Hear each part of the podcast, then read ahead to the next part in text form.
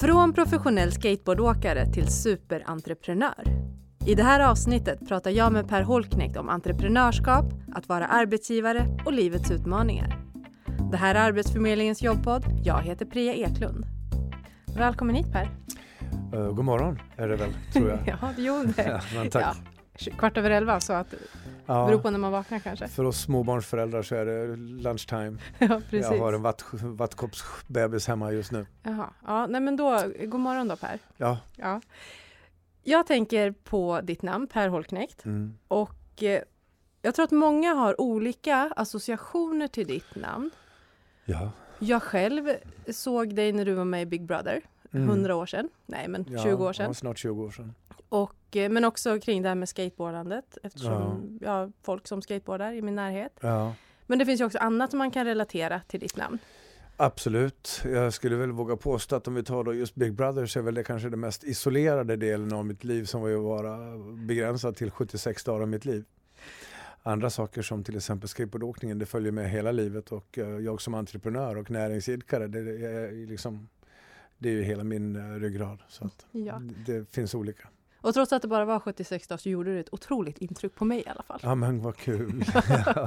Men idag så ska vi inte prata om Big Brother. Jag tänkte att vi ska prata just det här som du sa, Mm. entreprenörskap. Ja. Vad är entreprenörskap för dig? Alltså entreprenörskap är ju egentligen ingenting som är eh, isolerat till just det som beskrivs som entreprenörer. Entreprenörskap det är ju liksom människans strävan efter att få någonting över vid dagens slut. Och jag skulle våga påstå att där lever en entreprenör i oss alla. Vi alla människor lever entreprenöriellt. I ty man gör vad man förmår för att få bästa och mesta möjliga ut av sin tid och närvaro här i kära livet. Ja men det är ju så, det är ingen skillnad på en som liksom går till jobbet för att tjäna pengar eller en som går och startar eget företag för att tjäna pengar för att ha råd att göra ett drägligt liv. Mm.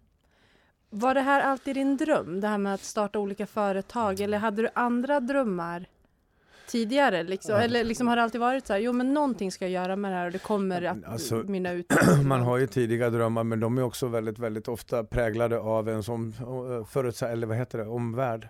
När, när eh, familj och så vidare. Så att, ehm, min egen dröm började ju kristallisera ut sig när jag nådde flytta hemifrån ålder lite grann, när jag började kunna tänka själv och sådär. För från början så var ju liksom, min plan var ju att jag skulle ju bli ekonom. Jag gick ju på Falu gymnasium och läste ekonomi och jag var ju liksom bara tre millimeter från att bli revisor. Och, och sen bara genom ödets nyckfullhet då, så, så råkade jag byta linje till teknisk och drömde om att bli arkitekt. Och sen så genom ytterligare nyckfullhet från ödets håll så blev jag någonting helt annat, det vill säga skateboardproffs. Ja, det, ja, ja, man kanske inte riktigt ser den röda tråden just där. Det finns inga röda trådar Nej. i livet, vet du det? det? Allting är som det är. Att, att eh, de här små tingen vi gjorde när vi var 13, 15, 17 år, det är de som syns idag fast i en helt annan skepnad. Mm.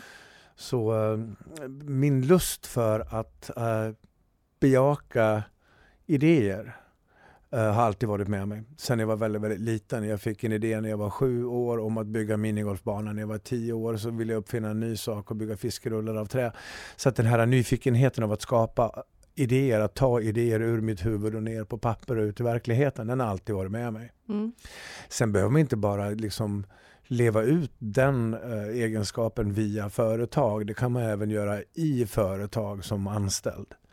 Men där bor en, en eh, nyfiken själ i mig som hela tiden försöker att skapa. Och den här nyfikna själen då, Mm. på 80-talet, Mm. startade, det var då du startade ditt första företag? Alltså ja, första rikt- 1978. 78. Ja, Och det var det här skateboardföretaget. ja, jag hade en liten skateboardfabrik i min garderob där. Ja. Och den här lilla skateboardfabriken i garderoben Mm. blev ju en ganska stor st- stor rörelse, alltså ett stort företag sen tänker jag, Ja, som alltså, omsatte väldigt mycket pengar. det blev ju så. Men det fanns ju inget behov. Det är lite där jag, jag Mm. Ni, ni, du skriver ju en bok, du har ju skrivit en bok Ja. och i den står det så att ja, men skateboardåkning var på nedåtgående, hade varit ett tag. Jo, men då Men var det här en, var ändå ett var en, intresse. då var det en person som presenterade för mig och berättade att trender kommer och går vart sjunde år. Mm. Skateboarding har varit dött i Sverige i sex års tid nu. Vill du vara med och starta ett företag ihop med mig, sa han till mig. För det kommer att smälla om ett år. Och då tackade jag ja och så small det ett år senare. Så att, så blev det med det. Ja, men uh, där då, du hade ju ett skateboardintresse. Ja. Och obviously, det är ju en fördel. Eh, var det ju i det här fallet. Behöver man Mm. alltid tänka så när man startar ett företag? Att du måste vara jätteintresserad utav det här? Du måste ha kunskap kring det här? Eller kan Ja. man liksom gå på, gå på en känsla? Jag tror ju att man, man vinner ju stor näring i att arbeta med någonting som ger en liten sidovinst, en liten glädje. Och då tror jag att man ska ändå försöka identifiera någonting som man tycker om lite, lite grann själv. Jag tror att jag skulle kunna sälja både lättmjölk och förgasare men jag tror inte att jag skulle ha lika roligt som när jag jobbar med till exempel att formge möbler och kläder och, och allehanda ting. Ja, för får man inte det här lilla extra, då kanske man inte heller lägger... För att starta eget företag, det handlar ju om också att lägga väldigt mycket av sin egen tid. Ja, sin egen tid, sin egen ekonomi. Man, man, det är ett otroligt risktagande i att starta företag. Eh, många tror ju nu då att, att väldigt, för det första, väldigt, väldigt många drömmer om att driva ett eget företag. Människor har idéer och tankar och lust och längtan. Eh, men hejdas oftast av rädslor inför vad ska hända om det inte går bra? Eh, hur ska jag då få tag i mat på bordet och så vidare. Men liksom, jag är alltid väldigt, väldigt mån om att den som beslutar sig för att försöka se på sin idé icke ger upp sitt dagliga värv. Att man inte ger upp det som ställer mat på bordet utan man kan liksom omprioritera övrig tid så att man kanske inte lägger för mycket tid på krogen och fotboll och bio och framför tvn utan man stänger av det och väljer att gå in på laboratoriet och börja leka med sina idéer. För väl inne på det labbet så har man ju fruktansvärt roligt. Extra roligt förstås om man gör det tillsammans med någon. Mm. Du säger att du har ett recept när du ska starta företag. Mina recept innehåller choklad. Och det Ja. tänker jag att dina inte gör. Ja, du kan ju översätta mina recept till choklad om du så vill. Men det är ju så här för att någonting ska fungera. Om du ska laga mat exempelvis, om du ska nu göra då en Janssons frestelse, då vet du ju vad som krävs i form av att det här ska koka där och det där och det där i olika pannor och grytor. Sen till slut så ska vi riva potatisen och i med ansjovisen och grädden ska dit, sen ska det in i ugnen och ugnen ska ställas på. Och om jag då ska göra en, en, ett företag som heter Janssons frestelse så måste jag kolla i mina skafferier efter vad jag har. Och, och, och mina resurser idag är min kompetens. Om jag då till exempel ska lyckas med ett försäljningsinriktat företag, då måste jag ha någon som kan sälja. Eller måste jag jobba inom konstruktion, då måste jag hitta en konstruktör. Så att jag behöver hela tiden förstå vad jag är kass på. Det som så att säga inte finns i mitt skafferi måste jag då sätta på min personliga mottagare så att jag är redo att möta den här i verkligheten. Till exempel om du och jag när vi satt och pratade här ute, om du hade kommit till mig med någonting som jag saknar i idé nummer 37, då kanske jag hade gått ner på knä och friat till dig. Vad trevligt! Ja, Ja. alltså affärsmässigt, förlåt mig. Ja, Ännu Ja, men för jag har lärt mig en sak, att jag är ganska, okej, ensam, men jag är tusenfalt bättre eh, i lag. Så våga egentligen be om hjälp för Att det som du inte har. Att be om hjälp är egentligen livets vackraste elixir. Att eh, var gång som vi ber om hjälp så sätter vi ju fröet mot någonting som blir bättre.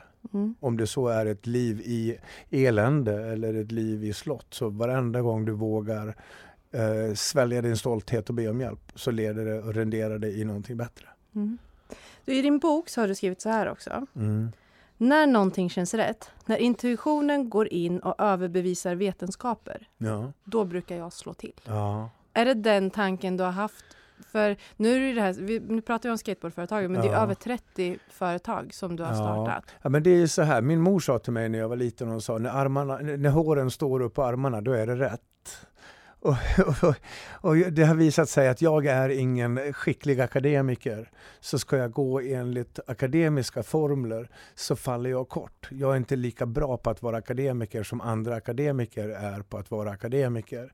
Så jag måste välja ett annat spår och då måste jag våga gå på feeling istället för på Excel. Och jag litar på min begåvning inom det som då kallas för feeling. Och den har visat sig räcka till. Jag tycker inte särskilt mycket om mig själv, det är mitt problem. Eh, I jämförelsen med andra människor så faller jag kort. Jag tycker att andra människor är bättre än jag, ser bättre ut än jag, kan mer än jag.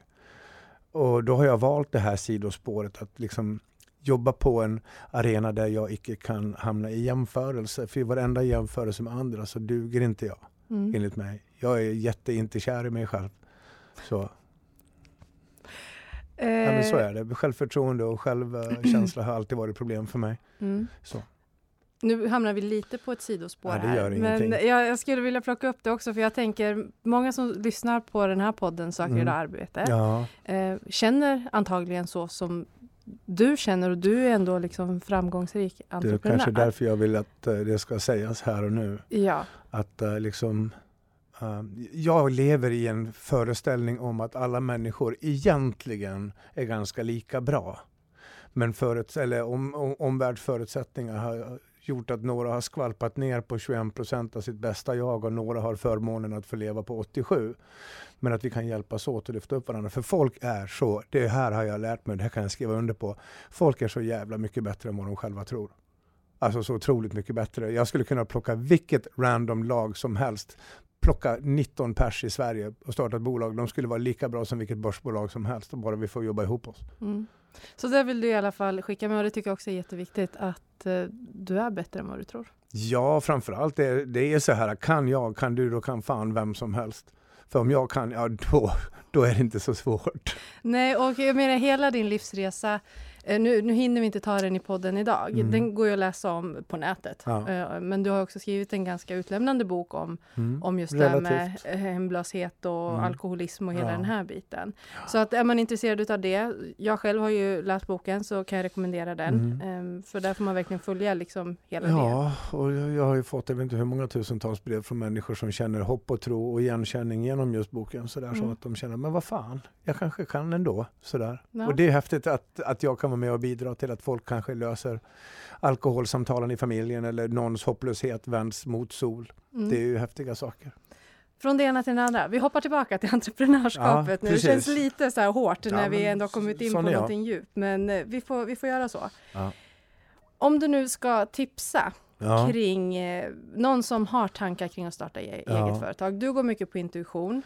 Eh, Ja. Har du liksom nå- någonting annat så här, som du vill skicka Ja, med? men dels så- vill jag ju verkligen, verkligen påtala det här i att vara fler.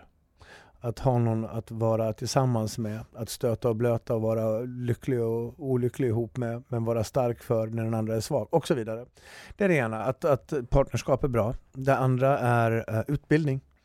Att man kanske tar sig en aftonkurs eller en korrespondenskurs i basic eh, marknadsekonomi eller basic eh, företagande. Ja, för du har ju ändå en utbildning, en ekonomisk utbildning. Förutom är- gymnasiet så har ju du gått på, Ja, Eh, IHM. Jag är IHM. diplomerad marknadsekonom. ja, och Ja. där hade du ändå väldigt stor nytta av. Ja, tänker jag. extremt nytta. Så att jag förordar verkligen, verkligen en, en halvårskurs. Det kan man göra parallellt med att man startar upp någonting, men att man lär sig liksom kredit och debit och plus och minus och rött och svart och skillnaden däremellan. Eh, hur saker hänger ihop. Och sen Mm. så ska man ju alltid ta med sig så här också som företagare när man går in på banan att eh, det finns ju Pers tre gyllene regler. Ett, det kostar mer än du tror. Två, det drar in mindre pengar än du tror. Tre, det tar längre tid än du tror. Och det är bra att vara så krass också. För så att, jag tror att många också tänker sig att men nu har jag en affärsidé, jag ska starta ett företag, Ja. jag kommer tjäna pengar Ja. direkt. Nej, det är inte så- så enkelt. Nej. Det tar tid. Mm. Vi hoppar över på nästa grej nu, Ja, innan vi, jag tänker att vi börjar avrunda lite. Ja. Du är ju arbetsgivare också, ja, så du anställer många. ja. Hur tänker du som arbetsgivare när, ja, när personer söker jobb hos dig? Vad tittar du på? Ja men jag eh, tittar ju aldrig på ett CV förrän jag har anställt. Mm. Då brukar jag vilja titta lite grann. vad, vad är det jag har gjort? Ja, lite så. Nej, men vet du vad? Jag, jag, jag ger jag, blicken. Om folk har den här blicken, alltså det sitter väldigt mycket i blicken. Finns det någon som liksom vill komma in och vara med och utvecklas och ha roligt ihop så behöver det finnas någon lust där. Lust och längtan till att få jobba med just mig. Mm. Sådär, så att blicken går över. Sen så jag har ju mina superalternativa metoder liksom, beroende på vilken position jag ska rekrytera till. Vill jag ha en säljare då tar jag dem med på en promenad på stan och liksom kollar hur de för sig bland folk. Smiter de på runt eller krockar med folk? Det här kan jag göra mina så små personliga analyser av människor. Okej. Så CV kanske inte så viktigt? inte utan, hos mig. Nej, Inte hos mig. inte hos just Nej, dig. Men du tittar på viljan? Ja, Ja. Eh, viljan och blicken. Alltså det sitter i blicken för alla kan allt. Mm. Det häftigaste jag har gjort det var ju liksom när jag tog min assistent sedan många år och kallade till eh, stormöte och utsåg henne till min chef. Mhm. Det visade sig sen, jag fick ju bittert inse själv att fan hon är ju bättre än jag. Så att då bytte vi plats. Men det är ju också ganska stort att kunna inse det. Ja, men jag är intresserad Någonstans. av lag, lagets bästa, Mm. inte jagets bästa. Ska vi som lag lyckas och, och ha roligt ihop och fira tillsammans, då måste vi se till att bygga och hjälpa varandra såklart. Har du någon gång gått på, alltså missa, se- ser du liksom misslyckanden eller finns Ja. det bara idel lärdomar? Nej, ja, det där är ju gamla klichéer i och för sig. så, eh, ja, men, så, jag är relativt gammal idag, jag är snart 59 år. och jag har väl gjort så otroligt många försök i mitt liv som jag har haft en möjlighet att lära mig ur. Eh, mina misstag blir färre och färre och färre i det att jag har redan gjort dem. Så att för mig så är det så här varje misstag är en produkt av ett försök. Och jag har ju lärt mig att om jag lyckas sju gånger av tio misslyckas tre gånger av tio så betyder också detta att ju mer jag misslyckas, ju mer lyckas jag. Och med de orden Ja. så vill jag tacka för Ja. att du ville komma hit och snacka entreprenörskap och lite annat med mig. Ja. Tack så mycket. Du har lyssnat på Arbetsförmedlingens jobbpodd med mig Priya Eklund och veckans gäst Per Holknekt. Inspelningsansvarig var Roger Svanell. Nästa vecka är jobbpodden tillbaka och då får du lite extra pepp om du funderar på att söka in till högskola eller universitet. Vi hörs!